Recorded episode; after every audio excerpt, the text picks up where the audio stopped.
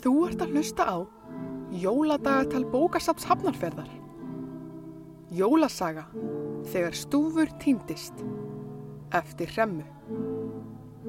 Höfundur les. Fyrsti kabli. Ég ætla að segja ykkur söguna því þegar stúfur Grílusson týndist. Við erum stött í Gríluhelli rétt fyrir jól.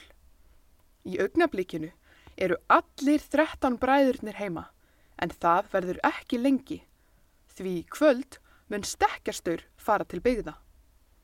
Hinn árlegi undirbúningur stekkjasturs er hafinn. Fyrst stendur hann berrasaður á einum fæti inn í herbergi og vandar sig við að tróða störfætinum gegnum rauða skálmina á ullarbrókinni sinni. Síðan leggst hann á gólfið og treður lungu loðnu löppinni gegnum hínaskálmina. Síðast en ekki síst liftir hann rassinum upp af gólfinu og tógar ullarbrókina alveg upp að mitti.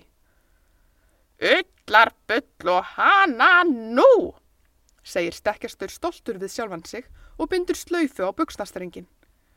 Þar sem hann liggur verður stekkjastur lítið undir kommóðuna sína og sér þar kuðlaðan ullarbólin sem hann hafi kent jólakettinum um að borða.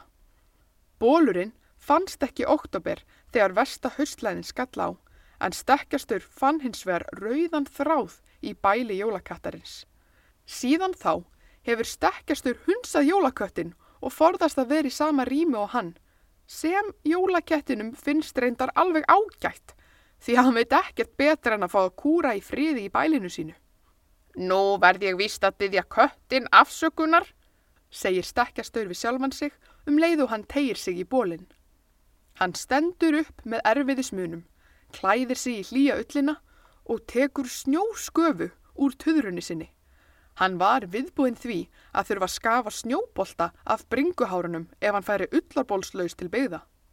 Stekkjastaur finnur krumpuð, rauð spariföt í efstu skúfunni og leggur þau ofan á töðruna. Svo finnur hann nýju stífilinn sem hann fekk í 175 ára afmæliskjöf og leggur þau við útidyrnar á samt töðrunni og sparifötunum.